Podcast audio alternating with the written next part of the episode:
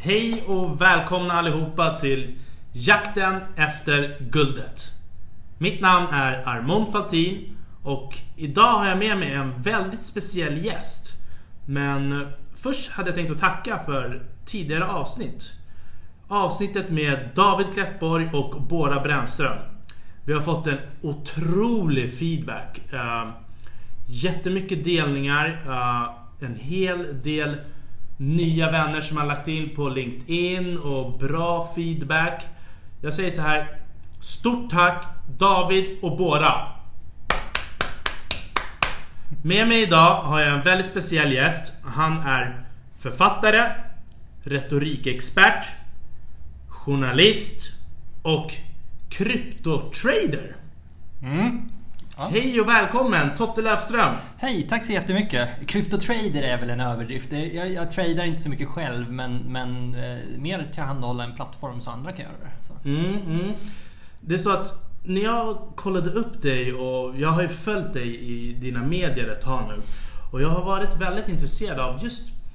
Jag kan ju lite grann av krypto. Mm. Men det är så himla luddigt och svårt egentligen att få en klar förklaring på vad det egentligen är. Mm. För mig handlar krypto om anonymitet. Men är det det idag? Nej, just anonymitetsbiten utav det. Det finns ett gäng anonyma kryptovalutor. Däremot där vi börjar se Monero, Dash, eh, några utav dem. Eh, det vi börjar se är att de blir förbjudna i länder runt om i världen. Och då, då förbjuder man inte nödvändigtvis människor från att äga dem utan man förbjuder kryptobörser från att eh, tillåta handel i dem. Så att i praktiken så stoppar man det bakvägen liksom, genom att förbjuda det för börserna. De som faktiskt har någonting att bry sig om att det är viktigt för, för en kryptobörs att göra rätt för att annars riskerar man att bli nedstängd helt. Liksom. Okej, okay, okej. Okay. Ja men nice! Ja. Vi ska verkligen komma in på det här lite senare men jag vill höra lite mer om vem du är, var du är uppvuxen någonstans, vad du har studerat och så vidare. Och så kommer vi komma till eh, krypto sen ändå. Mm. Vill du ha liksom hela, hela vägen från jag början? Jag vill ha hela vägen. Vem är Totte? Liksom.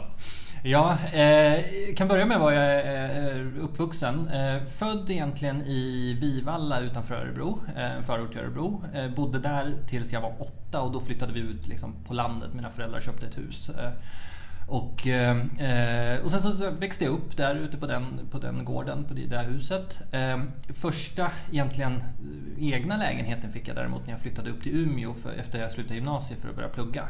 Eh, så då började jag ett civilingenjörsprogram som jag hoppade av efter, ja, inte fullt halva men nästan halva programmet. Vad studerade du för någonting i gymnasiet då? Jag läste ett program som heter Natur och teknik som var jag vet inte riktigt hur, vilka, vilka ord som används för det, men det var egentligen en sammanslagning. Man slog ihop både natur, naturprogrammet och teknikprogrammet mm. Eh, och läste dem parallellt samtidigt. Så jag har jag har liksom mycket fler högskolepoäng, eller eh, eh, gymnasiepoäng än, än det som än liksom, någon som har gått ett vanligt program så att säga.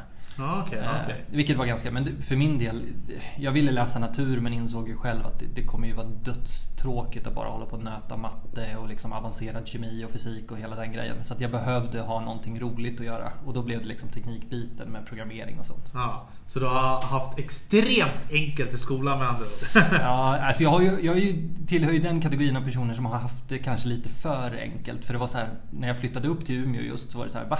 Och då måste jag plugga inför prov. För att det var så här, lyssna på lektionerna var fullt tillräckligt innan det. Ja. Och det blir, jag tror att det är ganska många som liksom har det här problemet att man, så här, man behöver typ inte anstränga sig så mycket i gymnasiet och sen så helt plötsligt så kommer verkligheten ikapp när man börjar på universitet eller högskola. Ja, precis. Eh, så det, ja. Men, men med det sagt också, det var inte det som var skälet till att jag hoppade av. För jag, klarade hela mattebiten utav det. sådär. Eh, mitt, mitt problem var att det var dödstråkigt. Och jag kände att shit, det här kan jag inte göra resten av livet. Jobba med det här. Nej men precis, precis. Men vad sa du? Sen så studerade du civil, till civilingenjör Aha. på vilket universitet? Eh, uppe i Umeå, uppe Umeå, Umeå universitet. Eh, så det var, den hette Interaktion och design tror jag programmet hette. Så det var liksom när, säljpitchen som de gjorde när man liksom fick kontakt med dem och läste på deras sajt och sådär var så här. Ja ah, men tänk dig en, en dörr. Eh, som man inte vet om man ska dra i eller trycka. Det, sådana problem ska ni lösa. Det låter ju jätteroligt och uppfinningsrikt och sådär. Eh, och sen så insåg jag att så här, ja, men bygga avancerade Java-applikationer i bakgrunden som inte någon kommer ha kontakt med utan det är bara ett datorsystem som kommer att använda sig av. Det var det som var mer verkligheten. Så. Mm, okej. så då tyckte du att nej, jag vill eh, delta i reella innovationer som vanliga människor kan ta del av eller? Ja, det, nu låter, låter man ju som att man är liksom Greta Thunberg. Men, men eh, nej, utan snarare bara så här att jag gillar inte när det blir för monotont. Det får gärna vara liksom ganska varierat. Jag sitter här och spelar in en podd i mitt jobb som jag har idag. Det är en ganska kul grej. Mm, mm. Eh, variation och, och utrymme att göra många olika grejer. Ja, ja men det tycker jag det låter jättebra. Mm. Men eh, journalistbiten då? Hur kom du in på det? Egentligen rent eh, bananskal. Eh, efter att jag hade när jag hoppade av det här programmet i, i Umeå så eh, hade jag fortfarande eh, poäng att ta inför, eh, inför CSN, CSN för att kunna liksom få pengar fortsatt så. Eh, så då så eh, hoppade jag på lite strökurser. Ett tips till alla som är i studentålder. Eh, strökurser, det är bara att gå dit på inskrivningen. Kolla upp när det är inskrivning så går man dit och sen kommer du inte behöva gå igenom någon antagningsprocess eller någonting. Funkar hela tiden. Hur gammal var det här då? typ runt 20 tror jag. Okay. 35 nu. Mm. Så det, var, det börjar bli ett tag sedan. Ehm, men då hamnade jag på en, en kurs i retorik med en, en, helt fantastisk lärare som hette Anders Segrell. Eh, som är professor nere i Lund nu. Eh, som verkligen väckte intresset. Jag har alltid varit intresserad liksom, av samhällsfrågor och politik och sånt där. Men Eh, att, att, läsa retorik och förstå liksom lite mer på djupet, förstå kommunikation på djupet eh, var jätteintressant. Eh, så då, efter att jag hade pluggat klart och pluggat all retorik som gick upp i Umeå, läste all filosofi som gick där också, så bestämde jag mig för att flytta ner till Örebro igen och läsa klart och läsa hela vägen upp till D-kursen i retorik. Mm. Och nu kommer vi till liksom den ursprungliga frågan. Så då så när jag hade pluggat klart där så, eller när jag pluggat klart retorik så gjorde jag så som jag tyckte var rimligt. Jag startade ett företag som retorikkonsult. Eh, mycket utbildningar för, för politiker och sådär. Eh, och när du driver den egentligen, det är väl egentligen oavsett vilken verksamhet man bedriver så är det så här, det är alltid jättebra att synas i media. Det är sånt som gör att du får nya kunder. Ehm, mm. Så då eh, sökte jag och min kollega då aktivt efter att liksom bli experter i, i, i media. Eh, fick kontakt med Nyheter 24 eh, som, som inte hade men som ville göra liksom en satsning på, på Almedalen. Så. Så då åkte jag till, till Almedalen för deras räkning i, i två år och eh, egentligen skrev liksom analyser utav, utav talen i Almedalen. Liksom. Mm. Retoriska analyser och publicerade. Jag tror ingen läste dem överhuvudtaget alls. det var säkert någon. ja, Ja, kanske, kanske typ min sambo eh, på sin höjd. Men, mm. eh, men i alla fall när, när, eh, i samband med att jag var, hade ett möte med dem om nästkommande år så säger de i förbifarten att de så här, det, alltså chefredaktören berättade att så här, men vi funderar på att starta en ledarsida och jag går igång på liksom alla cylindrar och så här, men herregud det känns ju otroligt 1800-tal att starta en ledarsida. Ni borde ju ha en debattsida istället som liksom kan ta in alla åsikter och sådär. Mm. Eh, och innan mötet var slut så hade jag lovat, jag vet inte riktigt hur det gick till, men jag hade lovat att skriva ihop en, en liksom, egentligen affärsplan för hur jag skulle ha lagt upp byggandet utav en debattsida idag. Mm. Eh, som blev, det blev fem A4-sidor eller någonting till slut. Och som jag skickade över. Eh, och i samband med att jag skickade över det så erbjöd jag mig också att göra det själv eh, via, via då företaget som vi drev fast på 50% bara liksom eh, så. Ja, oh, nice. Ja. deal alltså. Ja, det hade varit jättekul. Tyvärr så ville de inte ha det utan jag hörde inte av dem på, på liksom ett halvår överhuvudtaget. Jag fick ett tack för det och sen så hörde jag inte av dem. Och sen så ringde chefredaktören mig och var så här, Hej, nu har jag drivit igenom det här internt så vi ska starta en debattsida. Vill du börja på måndag? Eh, men det måste vara 100%. Och jag var så här, Då är du anställd okay. alltså? Mm. Ja, jag körde det via bolaget initialt men sen gick jag över till att vara anställd. Ja, ja.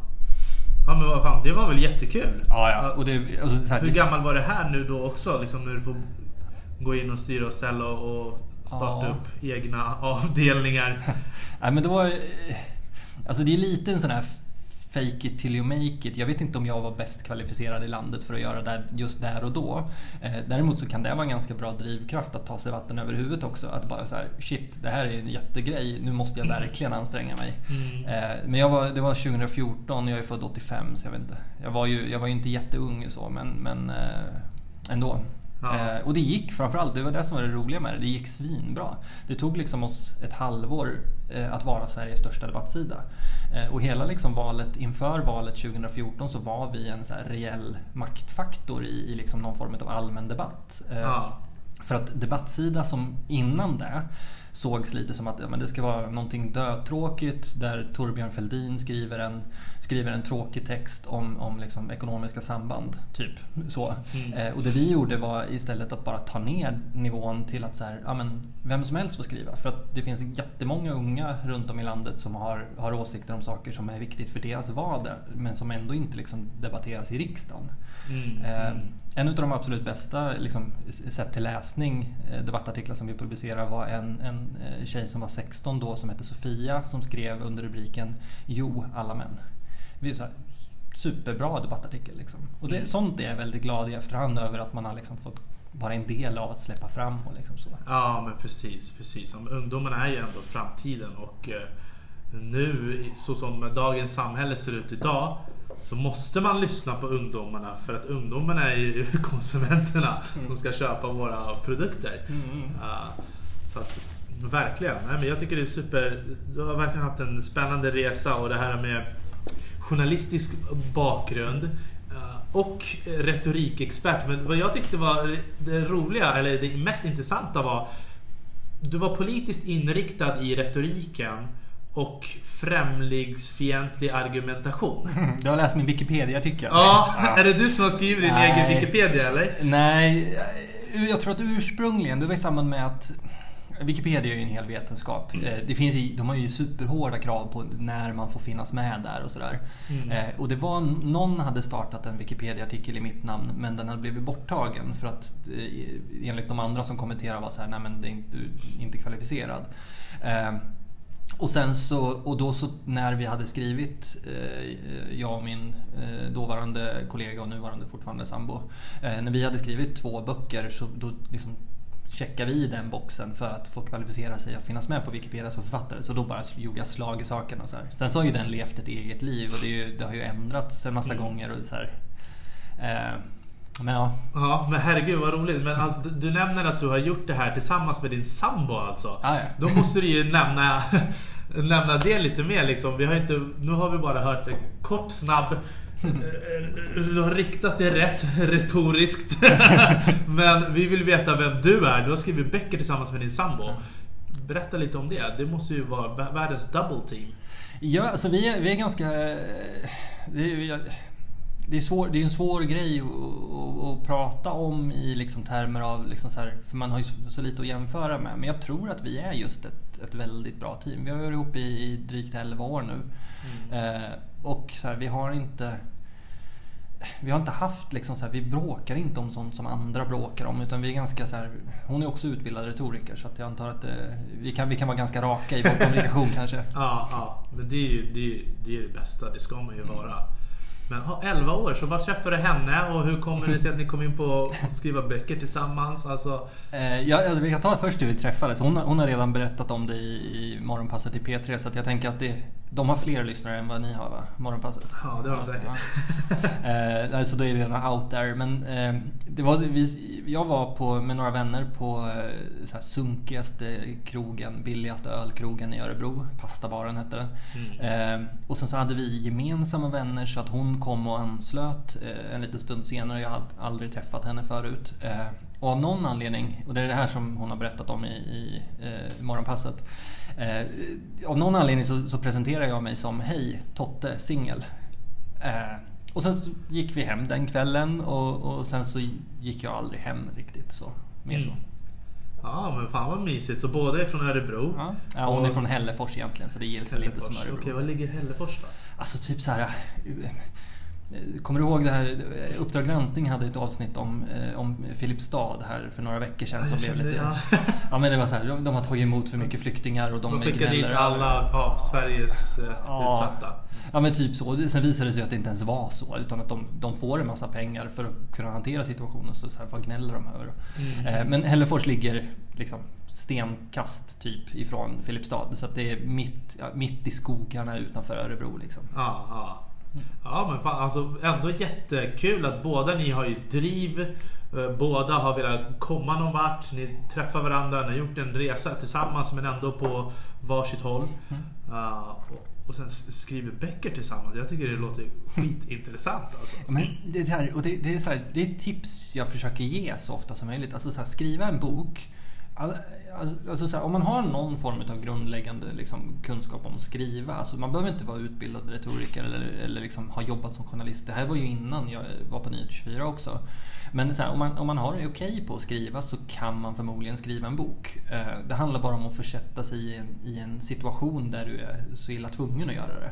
Mm. Eh, och så som vi gjorde det, det var ju egentligen också en, en förlängd marknadsföringsgrej för oss. Har man ingen liksom budget att göra annonsering för och sådana grejer så, så får man försöka hitta andra vägar. Och att skriva en bok, det öppnar upp. Vi var, var med i, i TV4s Nyhetsmorgon till exempel och pratade om boken. Vilket såklart är, det är jättebra uppmärksamhet för oss mm. och det, är, det var därför vi gjorde det. Eh, men tricket eh, egentligen, jag har skrivit fyra böcker totalt nu. Eh, tre stycken med, med Lisa, min sambo och en med vår chefredaktör Christian Plog som, som jag jobbar med nu. Mm. Tricket är egentligen bara att fixa ett förlagskontakt innan innan man börjar skriva. Och, okay. och dessutom sätta en bra deadline. Ja. Så att du, du liksom har inget val. Du har liksom skrivit på att nu ska jag skriva en jävla bok och så, så bara göra det. Ja. Så, så du har, ni har alltså tänkt på personligt varumärke väldigt länge? Ja, utan att ha tänkt på det så har man väl gjort det. Liksom. Så ja. man, man försöker ju, man vill ju det är samma med Trio nu, eh, som jag jobbar med nu. Liksom att, så här, man vill ju göra så mycket som möjligt och, och se till så att det blir bra. Liksom. Mm, mm, mm. Så att... Eh, hur kom det in? Nu, nu släppte du den senaste boken. Det är hur man blir rik på kryptovalutor. Mm. Hur, Berätta lite, hur kom du in på den då? Den har du skrivit tillsammans med din kollega och ni har jobbat tillsammans tidigare också. Mm. Uh, på Nyheter 24 också, eller? Yes. Mm. Berätta lite där, hur kom du in på det? Och det ehm, också? Mm. Ja men egentligen, egentligen i grund och botten som en, en marknadsföringsgrej eh, ur mitt perspektiv. Eh, även den här gången. Sen så tyckte jag det var jag kände att det var en kul grej att, att här, ge honom en möjlighet att skriva en bok också. Eh, för han, har, han hade inte skrivit någon innan, nu är han författare. Liksom. Så det är en ganska mm. cool grej.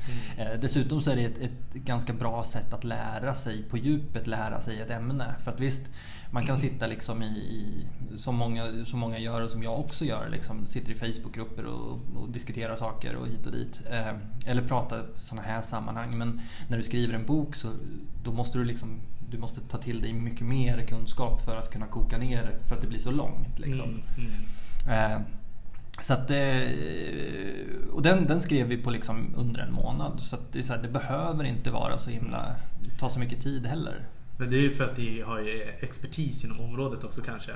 Men hur... jag, gav, jag gav ju alla svåra delar till Christian såklart. Ja, okay. Men hur delar man upp fördelningen då när, man, när ni gör, eh, skriver böcker tillsammans? Hur gör man där? Eh, ja, jag och Lisa, när vi har skrivit så har vi gjort... Eh, det är också ett sånt tips som man kan skicka med till alla. Alltså, så här, skriv, det är nog, jag har ju aldrig skrivit en bok ensam men jag, jag, kan tänka mig att det är mycket svårare att faktiskt få det gjort. Liksom, för då är det bara det inför dig själv du ska leverera. Mm. Eh, men jag och Lisa vi har, vi har egentligen delat upp det boken i två delar och sen så har vi satt en innehållsförteckning som går igenom exakt vad som ska finnas på varje del och diskuterat igenom det. Och sen så är det bara så här, nu ska vi skriva det liksom. Ja okej, okay, så ni börjar med innehållsförteckningen och sen så mm. jobbar man därifrån. Ja men det är smart. Ja, ja så, så, att det egentligen bara är att fylla på de delarna mm. som mm. Så att det liksom växer från överallt hela tiden på något sätt. Mm, mm. Men då eh, så att med, med henne och mig så har vi liksom valt, vi skrev en bok om, om studieteknik som heter Pluggproffsens guide till att lyckas på universitetet. Eh, som är den som har sålt allra, allra bäst för det blev en sån här julklappspresentbok. Folk tar studenten. ja, det är smart ju. Alltså, faktiskt. Eh, och då skrev hon, hon själva studieteknikdelen och jag skrev om typ hur man kommer undan när man har fuckat upp totalt och inte får pengar från CSN. Hur man liksom så här gamear CSN till att ge dig pengar ändå. Den, den vill nog väldigt många veta av. Speciellt folk som studerar utomlands och sånt kan jag tänka mig. Ja, just utomlands vet jag inte om det funkar lika. Ja, i och för sig, man får ju från CSN ändå och de kräver väl poäng också. Så. Ja. Ja, jag vet inte om den går att få tag i. Det förlaget tyvärr, Frank förlag, de, de försatte sig i konkurs. Eh, något, två år efter att vi hade gett ut den boken eller någonting. Så ah, okay. jag vet inte om den finns att köpa ah, fortfarande. Illa, illa. Det där vill man ju kunna, att det ska finnas kvar. Ja, ja. ja, ja. Och, och vi har ju såklart, jag, jag har ju sparat alla böcker hemma. Det är ju Ja, väldigt kul. ja, ja. Men eh, nu har jag lite funderingar också kring eh, krypto. Mm. Min syn på krypto är ju först och främst att det kan connecta den tredje världen. Alltså de som är utanför samhället som inte har tillgång till bankkonton och bankkort, bankomater. Alltså det finns ju inte i Afrika eller Sydamerika. Det är ju stora delar av världen som inte har tillgång till bankkonton. Ja. Det är för mig först och främst den faktor, faktorn som jag tycker att kryptovalutor kommer att öppna och förändra en hel värld. Men varför är, har inte bankerna varit Eh, med på det liksom tidigare? Eller alltså... Mm. Eh, nu spillde jag ut lite kaffe så att lyssnarna inte undrar vad som händer här. Jag Torka upp det sen. Eh, ja, nej men eh, alltså så här, när det kommer till bankerna. Det, är ganska det blir en ganska komplicerad fråga av det. Men bankernas förklaring till att de inte har intresserat sig. De är väldigt intresserade av krypto men de har inte positionerat sig inom den branschen riktigt än. Vilket har att göra med att de är livrädda för allting som har med liksom, potentiell penningtvätt eller terrorfinansiering att göra. Så att det, bank, ur bankernas perspektiv så har de regler eh, ifrån Finansinspektionen som de måste följa. Och är de det minsta osäkra på att de kommer kunna följa de reglerna ifall de ger sig in i en ny bransch till exempel. Då är det lättare för dem att bara låta bli. Eh, ta, ta till exempel den här Swedbank-grejen som var nu det var ju tidigare i år bara eh, när det avslöjades att, att man har tvättat ganska stora summor pengar åt ryska oligarker eller vad det var. Ja, var det Estland eller något? Ja, via Estland och ryska oligarker. Så här. Och det, det skadar ju, bara kolla på Swedbanks aktie eh, efter, efter den händelsen. Det skadar dem jättemycket och hela osäkerheten innan, man, innan det kommer en dom ifall man får böter och sådana saker. Det, det är väldigt stora kostnader som, som det innebär att, att ha gjort fel. Liksom. Eh, och då är det lättare, för jag menar det är inte som att bankerna känner att de behöver hitta någonting nytt och tjäna pengar på. De, det går Nej. ganska bra för dem ändå. Mm. Eh, däremot så ser vi ju att eh, Microsoft och jag tror att IBM är involverade i det också. Att de just eh, försöker positionera sig mot tredje världen och liksom hitta betallösningar, alltså betalmöjligheter. Mm. För det, det är så här, när man är man är ganska bortskämd i Sverige men tänk en situation att du så här, ja, men du har 200 kronor på kontot eh, men du kan inte använda dem för att det, är ingen som, du kan inte, du kan, det finns inget sätt du kan skicka dem på. Liksom. Och är, så ser det ut i många delar av världen. Och jag menar, bara möjligheten att genomföra köp och sälj mellan människor, det, det öppnar dörrar. Ja. Alltså, jag hörde att det var något sånt här att till exempel vissa länder i Afrika där kan Alltså det finns ju inga bankomater och det finns folk som Även om du har ett bra jobb Alltså du kan vara läkare, advokat, vad som helst Har du ändå inget bankkonto. Nej, nej det är helt Och, sinnessjukt. och du kan inte köpa e-handel. Det är någonting som finns för oss europeer. Ja, ja. Ja, ja, gud ja. Uh, det är helt galet. Nu, nu kanske det här blir lite svårt att vi kanske berättar på en för avancerad nivå. Men skulle du kunna bryta ner det lite grann och berätta och vad är krypto och blockchain och så vidare för de som inte vet. Mm. Eh, jag brukar säga det att, att eh, jag, brukar exemplifiera till att börja med med bitcoin för att det är liksom den äldsta och första och störst, definitivt största kryptovalutan. Så att det, det brukar vara, det finns alltid andra små aktörer som har hittat på egna lösningar men, men baselinen är på något sätt bitcoin fortfarande. Eh, och så som bitcoin fungerar så är det, alltså det är ett sätt att förvara ett värde digitalt på ett sätt som inte har gått förut. Eh, om du laddar upp en, en bild på Facebook så kan jag gå in och kopiera den. Det är inga problem överhuvudtaget. Jag kan spara den på min dator och sen så har jag en exakt kopia utav den bilden du har laddat upp. Mm. Det, och det har varit ett problem med, med internet sen, sen redan från början. Det är bara att kolla på hela, hela liksom fildelningsdiskussionen som var för, för många år sedan nu. Men eh, Pirate Bay och hela det. Att det, här, det går att kopiera och man har lagt, förut, alltså skivbolagsindustrin och filmindustrin har ju lagt enorma summor pengar på att försöka liksom copyright-skydda så att du inte kan kopiera. Och det är alltså det problemet som kryptovalutor löser. Att förvara någonting som är, inte är möjligt att kopiera.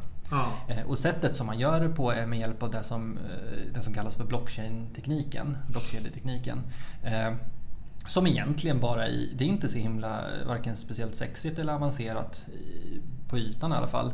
Eh, för att det är, det är en databas men istället för att du har databasen specifikt. Tänk att du sätter upp ett Excel-dokument där det står att ja, men, du har två kronor och jag har, jag har en krona och sen så någon annan person har tre kronor. Den ligger ju där och sen så håller vi koll på vem som har, hur mycket respektive person har. Mm. Det som är unikt med blockkedjetekniken är att den här databasen den finns lagrad på eh, tiotusentals datorer runt om i världen.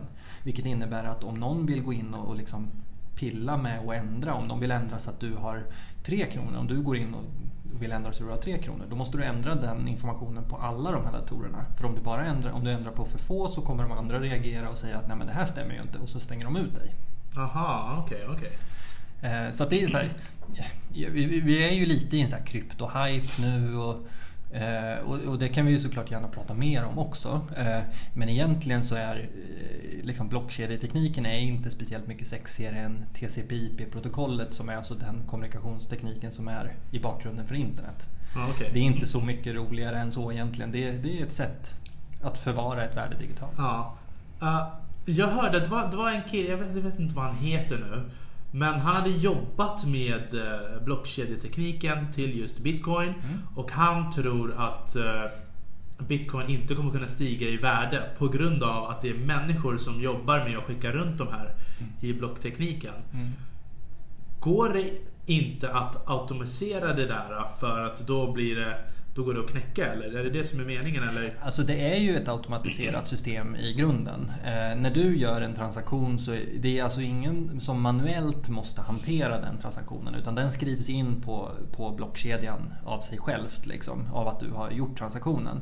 Eh, däremot så är eh, blockkedjan i sig hålls igång av de som brukar kallas för miners.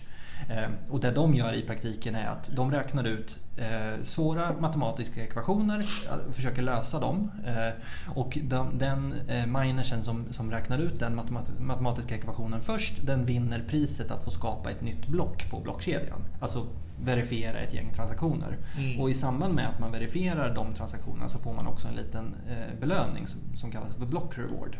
Så det är det som är intresset för miners. Att de, de håller igång hela nätverket eh, och i ersättning så får de en liten belöning eh, för varje block som de, som de får skapa. Okej, okay, okej. Okay. Men eh, så att då kommer det... Jag tror ju att bitcoin alltid kommer att finnas. Personligen så tror jag också att det är den bästa. Det är väl de enda också som står rakt ut för anonymitet va? Ja, för att alltså, här, Bitcoin är ju anonymt så tillvida att Eh, om vi säger att eh, om du skulle ge mig ditt eh, swishnummer eh, och sen så har du ett, ett eh, anonymt, eh, anonymt swishnummer som när du ringer från den telefonen så det går liksom inte att söka upp att det är du som ligger bakom den. Eh, bitcoin och blockkedjetekniken fungerar ungefär på samma sätt. Du har fortfarande ett nummer som är unikt för dig. En, en, en kombination av bokstäver och, och, siffror som är unikt för dig. Eh, som är din adress till din plånbok. Mm. Eh, så att om, om, du, om, om jag lyckas lista ut att ja, men det här är din plånbok så kommer jag kunna se alla transaktioner du får och alla transaktioner du skickar ut. Mm. Så att då är det inte anonymt längre utan det är bara anonymt så länge som, som du inte har avslöjat att det är du som ligger bakom. Ja, okej, okej, okej. Eh, vi gjorde eh, i i, ja, i, i för, under förra året så gjorde vi ett litet, lite minigräv på Nordiska motståndsrörelsen. För de, de startade eh, en så insamling där man kunde donera pengar till dem via bitcoin. Och de trodde ju just att men det här är helt anonymt, det här har jag ingen koll på. Mm. Eh, men tack vare vi kunde se liksom att folk hade skickat ganska stora summor pengar ifrån Binance bland annat. Eh, för det är helt offentlig information. Eh, vi kunde också se exakt hur mycket de hade fått in till sitt donationskonto. Vilket rimmade ganska illa när de försökte överdriva de siffrorna sen. Mm. Så att det är just bitcoin semi-anonymt kanske man kan säga. Det är, ja. det är anonymt men samtidigt tillräckligt transparent för att myndigheter ska vara okej okay med det. Eh, så här, svenska polisen och, och, och liksom myndigheter, de, och Skatteverket i synnerhet, de köper in tjänster som, eh, eh som gör att man kan spåra och se liksom var transaktioner har tagit vägen. Så det är inte så himla lätt att liksom, man, ska, man ska definitivt inte tänka att ja, men nu betalar jag någonting med bitcoin, då är jag anonym. Mm. Nej, okej, okay, okej. Okay, okay. Jag trodde, jaha, men då hade jag lite fel syn på det hela. Men... Eh, med det sagt också, man kan säga att det går. Det finns, finns andra typer av tjänster som är scramblers kallas det, eller mixtrar. Eh, och det är att du skickar in dina bitcoin till en adress och sen så mixas de och skickas ut via massa andra adresser som sen kommer tillbaka till en adress som du har valt. Och då är det väldigt svårt att liksom spåra för att allt har spritts ut och det har tagit så många vägar dit. Ja. Eh, samtidigt så är det så här jag, jag har ju svårt att se att liksom vanliga människor kommer engagera sig och hålla på och mixtra sina, sina pengar och grejer. Det... Nej men exakt, alltså jag tänker inte mer på det. Jag tänker mer på att eh, idag säger de att data är det nya guldet. Mm. Och jag tror att då är ju anonymitet den nya diamanten. Ja, ja, det är bra. men eh, alltså jag tror både kryptovalutor och eh, blockkedjor, det finns ju många olika segment där vad de verkligen kan hjälpa den mest utsatta. Mm. Uh, och, och till exempel om du äger någonting ute på landet i ett fattigt land så kan inte maffian bara skjuta iväg dem och tvinga sig åt landet och börja bygga skyskrapor för att Genom kanske blockkedjetekniken så kan man skriva in sig där att nej det här äger de och det går inte bara att sno saker som man kanske gjorde förr i tiden. Mm. Nej precis och det, det den typen av problematik det har ju funnits i alla tider. Det är samma sak när eh, antika Grekland blev en demokrati. Att man gick ifrån att man hade feodalherrar och liksom det var i, det var inte någon demokrati alls till att man skulle helt plötsligt ha rösträtt. För att hand i hand med demokrati så går också eh, juridiken. Eh, att du måste så här, om, om du har en demokrati så måste du kunna hålla koll på äganderätten. Och det är så här, visst, du säger att du har bott eh, på den här gården i fyra generationer och att det därför borde vara din. Men den här andra snubben säger ju att ja, men hans, hans förfäder bodde där långt innan det. Vems, vem äger det här? Ja, precis. Eh, och då blir det juridiska. Och blockkedjetekniken kan ju definitivt hjälpa till att hålla ordning på sådana grejer. Så vem, när man väl har bestämt vem det är som äger någonting så, så kan man inte bli kanske ifråntagen där på samma sätt. Ja. Eh, också så här, om du, om du bestämmer dig för att köpa liksom fem stycken bitcoin imorgon och sen så går de upp jättemycket i värde och sen så bestämmer du dig för att nej men jag tänker inte berätta det här för Skatteverket. Även om Skatteverket kan lista ut att du har dem och att du har gjort en vinst på det och då kanske till och med kan säga att så här, så här mycket vinst gjorde, det, gjorde du på den här affären. Eh, om du inte vill ge dem eh, dina bitcoin, du vill inte ge dem dina privata nycklar så kommer inte de kunna ta sig in och ta dem. Mm. Sen så tror jag om man ger sig in i en sån strid med Skatteverket så har man nog, då, man får lite andra typer av problem då kanske. Ja, men, men det där är ju helt onödigt. Alltså, man vill ju, det är ju klart att man ska betala skatt om man ändå har tjänat pengar. Men om man inte har tagit ut dem så har man inte tjänat några pengar. Nej precis. Nej, det var, jag, jag uttryckte eller? mig lite luddigt. Egentligen så är det så att om du köper bitcoin imorgon eh, och så går de upp i värde så måste du bara betala skatt på värdeökningen och du måste göra det när du säljer. Så att så länge du sitter och håller de här bitcoinsen så har du inte realiserat en vinst. Och Ja. därför behöver du heller inte betala skatt. Ja, okej. Ja, ja, men precis, precis. Uh, hur, hur ser du då på kryptotrading och, och den biten? Det är det du, ni har eh, en plattform för. Mm. Mm.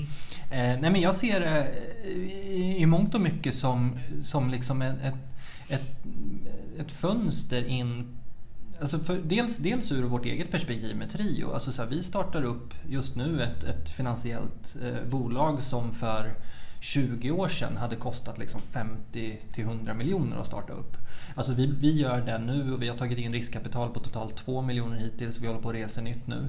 Eh, men vi har liksom kommit hela vägen till en lansering för 2 miljoner och ett team på 8 personer.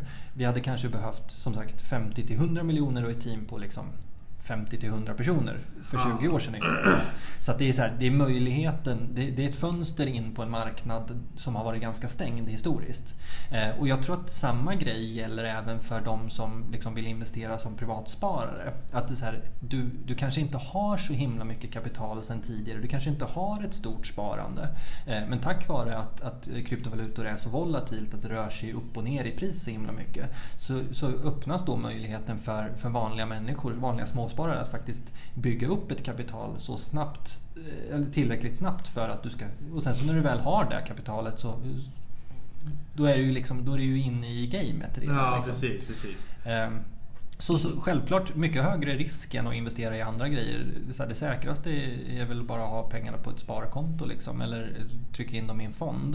Eh, men då kommer de heller inte växa speciellt mycket. Utan trycker du in, om du kan avvara 5000 kronor och lägger dem i en fond så kommer det vara kanske 6 000 kronor om, om 10 år. Eh, mm. Gör du sam, däremot gör du samma sak med kryptovalutor i, eller med, liksom med bitcoin så, så kan det vara, ja men det kanske är värt liksom 50 000 kronor om ett år om du har tur.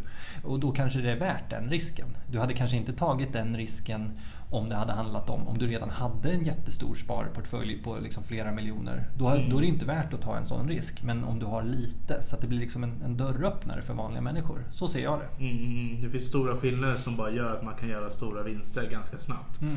Uh, och man kan ju säga också att traditionella finansmarknaden är ju super mogen på alla sätt. Alltså så här, det, är ju, det som liksom världen kretsar kring på många sätt, att tjäna pengar på olika sätt. Eh, och därför så, så har man, man har hittat alla liksom möjliga vinklar och man, man, hur man tjänar pengar. Så att det finns väldigt många stora aktörer som är inne i den traditionella finansbranschen och tjänar jättemycket pengar. Och då är det svårt att som, som ny ta sig in där. Medan eh, med kryptovalutor så är de stora inte riktigt kommit dit och därför så är det en, en möjlig väg in för, för småsparare också. Mm, mm. Jag såg att eh, det finns ju en svensk tjej faktiskt eh, som heter Heaven Bereket. Mm. Vet du vem det är? Mm. Hon var ju med där och startade den här Afrocoin mm. som ska vara i Afrika. Det tror jag kommer bli skitgrymt. Mm. Men eh, jag, det har också fått mig att fundera. Jag har ju lyssnat lite grann och, på vad det gäller just eh, kryptovalutor i olika länder och så vidare. Uh, kommer det vara så att i framtiden att ett land kan ha flera olika kryptovalutor? Alltså tror du att det kommer vara så att man kommer finnas flera valutor? Ja... Det kommer vara mer än, en, alltså, mm. än vad det finns valutor idag. I pappersform eller vad man kan säga. Ja, precis. Alltså, så här, det, det återstår ju verkligen att se. Eh, jag tror ju generellt så tror jag på minsta motståndets väg. Alltså jag tror att människor är ganska lata överlag eh, och att så här, man inte orkar lägga ner så mycket tid och energi på att betala för saker. Liksom, så här, det är någonting man bara vill ska funka. Ja. Eh, man vill inte behöva tänka på det. Men, men i, i liksom någon form av teoretisk värld så är det så här, det finns inget som omöjliggör att du kan gå till till liksom Pressbyrån och betalar med bitcoin och sen så går du till Coop och betalar med ethereum där istället. Alltså att det skulle kunna fungera så. Eh, tendensen däremot om man tittar teknikutveckling historiskt så blir det vi har ju Facebook och Google av en anledning istället för att ha jättemånga olika små mm. aktörer som gör samma grej. Utan ja. makten och liksom marknaden koncentreras kring de stora. Mm. Eh, och det är väl lite där jag tror också att typ Bitcoin kommer, kommer ta den rollen att vara liksom den kryptovalutan i framtiden. Mm. Eh, sen så tror jag också, det finns många som, som spekulerar Eh, fram och tillbaka kring att, att kryptovalutor kommer bli det som att du just kommer gå till Pressbyrån eller Coop och betala med bitcoin. Eh, jag tror inte riktigt det för det skulle innebära att det blir lite bökigare för dig. Eh, ja, exakt. Och det är så här massa nollor och sen så några siffror på slutet 0,0005437. Jaha, kostar en japp så mycket? Man har ingen ja. relation till liksom sådana Eh, Eh, däremot så tror jag att kryptovalutor kommer vara det värdet som rör sig i bakgrunden. Så att du, när du liksom drar ditt kort eller blippar din mobil eller vad du gör eh, så du upplever att du betalar med svenska kronor men att det värdet som skickas till, till den som, som tar betalt det är bitcoin. Mm. Så att du har liksom ett, ett lager utav svenska kronor över liksom systemet utav det, det riktiga globala värdet på något sätt. Ja. Eh, sen så får vi se. Riksbanken håller på att jobba på en e-krona som är egentligen mm. samma, samma grundprincip som kryptovalutor. Det var lite den jag tänkte på faktiskt eh, också. Uh, när, när jag menade att det kommer kunna finnas lite fler valutor. Kanske inte just kryptovalutor. Kanske, jag kan inte alla termer. Nej, det är riktigt så. Det är mer bara att... Uh, men som e-kronan. Det, det, kommer ha ett värde och den är digital. Uh, jag tror att nu så börjar ju folk leva lite mer det, är den här individualismen och filterbubblor och så vidare. Mm. Visst så kommer det alltid finnas de här stora aktörerna. Precis som Facebook vill ju ha sin Libra. Uh, de vill ju kopiera som, vad heter de? WeChat. Ja, som WeChat och, och, och, det där. Så att, eh, det är ju deras våta dröm. Mm. Frågan är jag, tror att, jag tror att kinesiska marknaden är ganska annorlunda än vad, vad liksom den marknaden som vi, alltså västvärldsmarknaden är. Eh, och jag, Tittar man traditionellt, och det gäller både Google och Microsoft och Facebook för den delen. Alltså när man startar upp den, den typen av stora bolag har generellt ganska svårt att ta sig in på nya, nya marknader. Kommer du ihåg Google+.? Ja, det känns som att jag kommer. Jag kommer inte ihåg vad det gjorde för någonting. Nej, men det var, det var Googles... Det här, det här var liksom 2000 ja, nu ska jag inte säga för mycket, men säg att det var 2011 någonstans där runt omkring.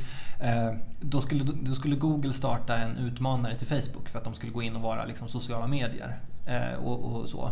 Eh, vilket de gjorde, de gjorde genom att till att börja med alla som hade en Gmail-adress blev automatiskt signade på den här grejen. Och de byggde en hype ungefär som när Spotify lanserade. Att folk ville verkligen få bli insläppta på Google+. För det var så invites only i början och så. Mm, mm. Och lyckades jätte, jättebra med det och plöjde ner enorma summor pengar i att få, få initiativet att flyga. Problemet var att det var inte en bra tjänst. Så folk använde det inte. Folk reggade sig och de hade över 100 miljoner användare och jag menar, har du över 100 miljoner registrerade användare så tycker man att ja, men då borde det väl vara värt att driva det vidare. Men sen nej, mm. inte. Eller sälja åtminstone, men eftersom ja. det var deras eget så...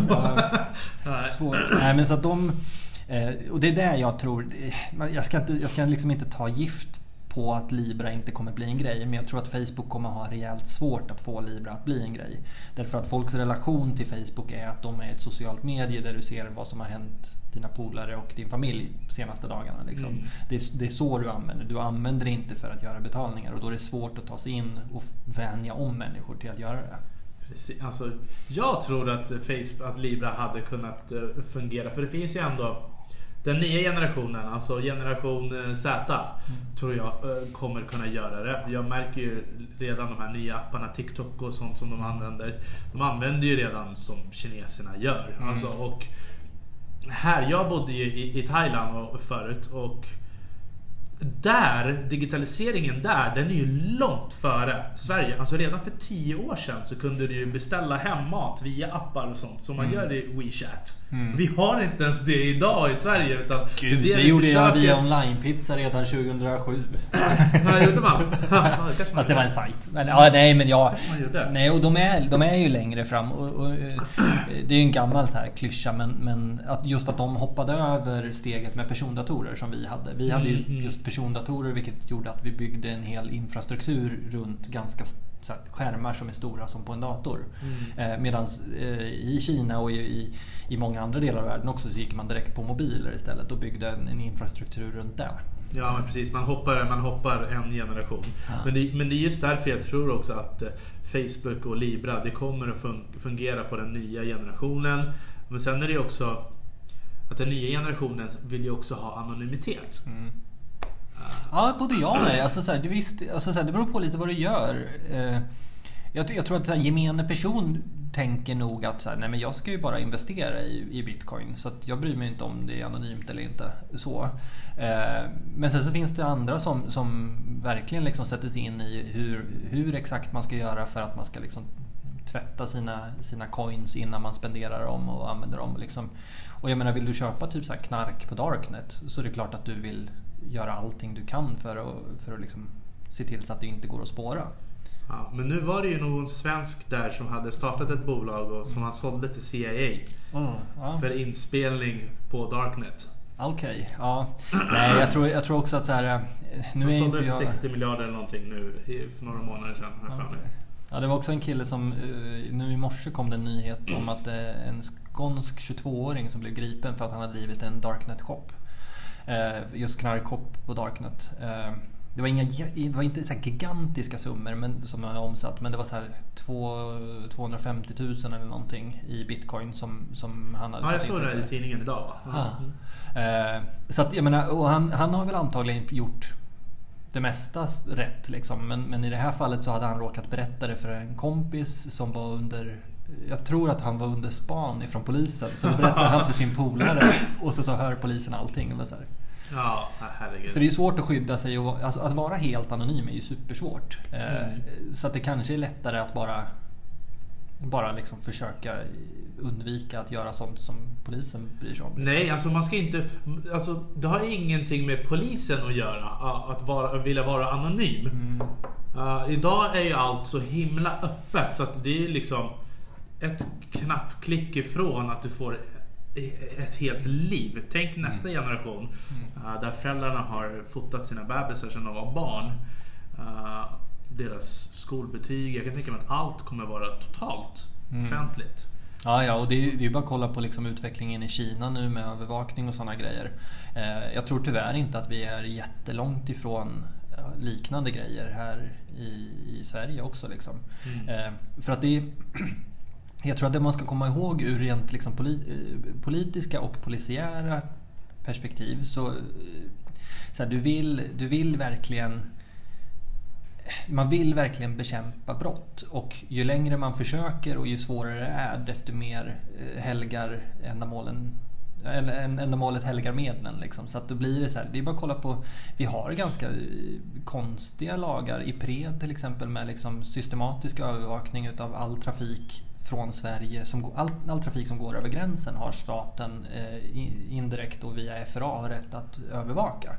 Så att jag menar den informationen, den, den, all, det du skriver på Facebook kan förmodligen svenska staten läsa mm. eh, och gör det redan nu. Eh, skillnaden är att de inte gör någonting för att de har inte rätt att använda den. Om vi säger att du berättar för en kompis i Facebook-chatten att du snattade på ICA så är inte det tillräckligt för att de ska använda sig av den kunskapen för, för att liksom åtala dig för det.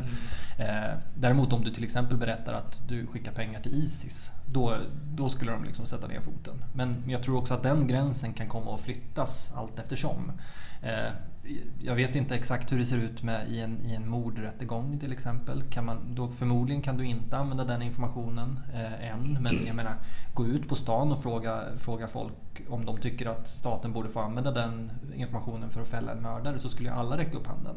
Så att man tänker inte så himla långt. Eh, men vi får se. Jag tror, att det, jag tror vi kommer gå snarare emot ännu mer övervakning och mm. att man lite, lite får vänja sig vid, vid det. Men om man vill skydda sin befolkning då? Finns det något sätt att skydda befolkningen eh, med blockteknik till exempel? Uh, och med sitt Facebook-konto. Så att det, för så länge allting som går att hacka mm. är ju fritt liksom för vem som helst att ta. Uh, något annat land att ta. Du kan ju ta ett helt annat land i gisslan bara genom en hackning. Ja, det var ju samma sak den här eh, när de eh, sprängde olje, olje... Den här grejen som var i Iran nu för några veckor sedan bara. Att de sprängde oljeresist... Vad heter, vad heter det? Ja, oljetankers liksom. Eller det var inte tankers för fartyg. Men, men som påverkade oljepriset så att oljepriset stack 30% på liksom några minuter bara för att det så här, helt plötsligt var, trodde man att men nu försvann massa, massa olja ur världen. Liksom. Mm. Eh, den grejen kom det också fram nu häromdagen bara att i samband med att det gjordes så gjorde USA en hackerattack mot Iran för att begränsa deras möjligheter att kommunicera eh, kring den händelsen att de inte kunde gå ut med liksom sin version utav det utan man, man begränsade det. Eh, mm. Det var väldigt oklart men, men det säger, jag tror att det är lite så vi kommer få se i framtiden också att stater liksom för kalla krig mot, mot varandra. Att man liksom försöker begränsa informationsspridning, man försöker sprida falsk information, man försöker liksom hacka andra. Liksom. Mm. Eh. Men är det här, det var det jag också tänker så här, att man inte kommer iväg på helt andra saker. Nej, vi, men, är ganska spretiga. Ja, ja, ja men jag tänker mer på, nej, nej, nej, men jag tänker mer på uh, hur själva kryptotekniken och blockkedjorna kan uh, skydda de här sakerna och uh, vad man tror liksom är bäst som kommer hålla längst för samhällena och hur framtiden ser ut. Hur, hur många kryptovalutor tror du kommer finnas? Mm. Uh, och varför jag också tyckte det var ganska intressant här. för Ni hade ju gjort någon intervju med några som hade hackat Socialdemokraternas hemsida. Ja, Twitterkonto. Ja, Twitter, Twitterkonto. Ja. Hur, alltså, när var det här? Kan du berätta lite om det? Ja, det var tidigare. Jag kan svara på den där ursprungliga mm. grejen till att börja med, med att skydda. Jag tror att vi kommer, eh, och det är det jag ser fram emot mest när det kommer till utveckling, teknisk utveckling inom, inom blockkedjebranschen. Liksom. Eh, jag tror att vi kommer se att det växer fram olika typer av tjänster för eh, ID-kort. Så, så, att du kan ha liksom ett ID-kort till exempel i en app på din telefon och det, det är liksom lagrat på ett säkert sätt och det är en giltig legitimation. Så man liksom digitaliserar det med hjälp av blockkedjetekniken. Just för att du inte kan kopiera. Ligger det på blockkedjan eh, så kan du inte kopiera det. Utan då är du, den, den är, informationen är unik. Eh, så det ser jag fram emot och jag hoppas också att vi vi kan se liksom ifrån statligt håll att man, man anammar den tekniken. Och liksom, för jag menar det är ganska bökigt idag. Jag hade ju mycket hellre haft mitt, eh, mitt ID-kort på, på telefonen än att hålla på och släpa omkring på ett faktiskt fysiskt kort. Mm, mm. Jag hade en bekant som inte blev utsläppt ur, ur Norge nu eh, nyligen och var tvungen att hyra en bil och åka för att han, han hade glömt, han hade bara sitt körkort med sig och man behöver pass för att flyga. Det var någon sån här flygning som gick. ja, ja en lång flygning som bara mellanlandade i Sverige. Eh, men vad var ursprungs... Eller vad var frågan? Ja, nej, jag undrade om hur jag trodde att eh, blockkedjetekniker och sånt skulle kunna uh, användas till att skydda mm. våra invånare. Eller, ja. Mm. Ja, men jag tror val också är en sån, och det görs det ganska mycket experiment på. Jag vet att Kalifornien forskar och, och undersöker möjligheterna att, att uh, du helt enkelt röstar på blockkedjan. Att du legitimerar dig. Du får din, istället för att du får din röstsedel hem i brevlådan som du får idag så får du liksom en, en typ en token eller man kan säga att det är en coin som du får växla emot att rösta. Mm. Eh, och, eh, sen så det får ju massa komplikationer. Till exempel ska du kunna sälja din token till någon annan om du inte har lust att rösta. Det är ju helst inte förmodligen i en demokrati. Att köper och säljer röster okay, av varandra. Okay, så det finns ju för och nackdelar då alltså med den tekniken? Ja, eh, men, men där tror jag det kommer hända ganska mycket närmaste åren i alla fall. Mm. Men avslutningsvis då, kan du inte berätta lite nu om vad, vad ni gör på er sajt mm. och, och, och sådär? Yes, eh, Trio heter det. Eh, och det är en, en börs för handel med kryptovalutor egentligen i, i sin renaste form. Eh, och eh, Trio stavas T-R-I-J-O eh, och adressen är trio.co. Eh, det, man, man, jag märker det, jag träffar så mycket liksom startups just nu som bara är döpta efter vad som fanns ledigt i, i domänväg liksom, mm. på internet så här, det, det kommer nå någon tipping point rätt vad det är när det blir så helt orimliga namn som ingen kan stava till. Men, men man får ju bita i det sura äpplet. Mm. Eh, men vi är en kryptobörs eh, med ambitionen att sänka trösklarna så mycket som möjligt. Eh, jag vill liksom att, att så här, Christians farmor ska kunna registrera sig utan att behöva hjälp av honom och kunna köpa bitcoin. Och sen så om hon vill också förvara dem hos oss eller, eller skicka dem till en egen plånbok om hon hellre vill det. Mm. Eh, för att det är det som är lite problemet med vår, vår bransch idag, att kryptobörserna ser eh, man, man tävlar i att vara så avancerade som möjligt och göra så mycket liksom så tradingfunktioner som möjligt och det ska vara liksom så krångligt. Eh, för att det är de bolagen som får jättehöga värderingar sen när de ska resa pengar. Mm. Eh, och vi vill, det vi vill göra är istället att positionera oss gentemot de som inte har erfarenhet, kanske av varken liksom traditionella investeringar eller ännu mindre kryptovalutor, men ändå göra det tillgängligt för dem. Ja. För det är en ganska bra investering fortfarande. Så att då blir ni som fondförvaltare fast kryptoförvaltare? Ja, lite så. Eller, eller mer liksom som Stockholmsbörsen fast för krypto. Eh, mm. Som Avanza eller Nordnet för krypto. Eh, och det är just, Avanza och Nordnet har vi kollat supermycket på såklart. Eh, och liksom lära oss av vad de har gjort och hur, vilka misstag de har gjort och sådär. Så hur mycket kryptovalutor finns det idag? Mm. Ja, gud, det är nästan, jag, vet, jag vet att vi kollade upp det verkligen i detalj i samband med att vi skrev boken och då var det typ 3000 olika. Men det var ju förra sommaren så det har nog hänt en del. Mm. Eh, dilemmat där är ju att vem som helst kan ju starta en kryptovaluta. Vi skulle kunna göra det nu. Det skulle ta fem minuter så har vi en egen coin. Liksom. Mm. Problemet är att vem ska vilja köpa den? Eh, det måste ju finnas någon form av anledning till att man skulle vilja köpa den. Det måste finnas ett värde, ja precis. Så att, men säg, säg, att det finns, alltså det finns ju hur många som helst. Däremot eh, vill man liksom få en överblick över vad som, vad som finns och fungerar och är seriöst så är det bättre att kolla på liksom kanske de tio största. Eh, där har vi bitcoin såklart. Ethereum är egentligen som bitcoin men med skillnaden att du kan skriva kod direkt på blockkedjan. Så du kan bygga någonting som brukar kallas för smarta kontrakt. Eh, som är egentligen att eh, till exempel om vi, sätter, om vi har ett vad eh, om vilka, vilket lag som ska vinna nästa fotbollsmatch eh, så kan man bygga ett system där du automatiskt får de pengarna utan att jag vi båda skickar in pengar och sen så den utav oss som vinner, den får pengarna. Så att man okay. inte behöver gå via liksom en tredje part som ska vara den som godkänner och, och betalar ut. Liksom. Ah, ah. Och där kommer också, det finns också jättemycket möjligheter för försäkringsbranschen att göra den typen av grejer. Eh, om din bil blir stulen, att du inte behöver ha en försäkringshandläggare som behandlar den utan att det är mer automatisering utav det. Mm, mm. Ja, men så slutligen. Så avslutningsvis, om du får rekommendera en, äh, två långsiktiga kryptovalutor och sen äh, kanske säga bara snabb skillnad på kortsiktiga kryptovalutor. Mm. Eh, nej men långsiktigt så är det absolut bitcoin. Eh, Trio kommer, vi håller på att kolla på möjligheten att bygga någon form av så här automatiskt månadsspar via autogiro och sådana grejer nu. Eh, till exempel att du, du skickar in 300 kronor i månaden automatiskt i bitcoin just för att exponera dig mot, mot det som, möjligheterna som finns där. Eh, det tror jag kommer bli en superfunktion just för att folk orkar ju inte hålla på och sitta varenda månad och köpa och krångla liksom så. Eh, däremot så, som sagt, jag tror ska man, ska man liksom köpa någonting och bara ha det i liksom 15 år så tror jag att bitcoin är ohotat bästa, bästa möjligheten just nu. Eh, även, alltså så egentligen alla, alla de fem största är väl helt okej. Okay. Ethereum tenderar till att röra sig mer, gå upp mer när det går upp och eh, gå ner mer när det går ner. Så det är också liksom en bra möjlighet om man vill tjäna. Eh, när det gäller istället liksom mindre kryptovalutor så är det ju just det, alltså kortsiktigt. Eh, vill man trada så skulle väl jag kolla på kanske typ Litecoin och, och, och liksom ja, men typ ethereum, alltså de som är nästan störst men, men fortfarande där nere. Eh, för just för att de rör sig väldigt mycket. Så det, det kan vara en kortsiktigt bra, mm. kortsiktigt bra affär. Ja men då så.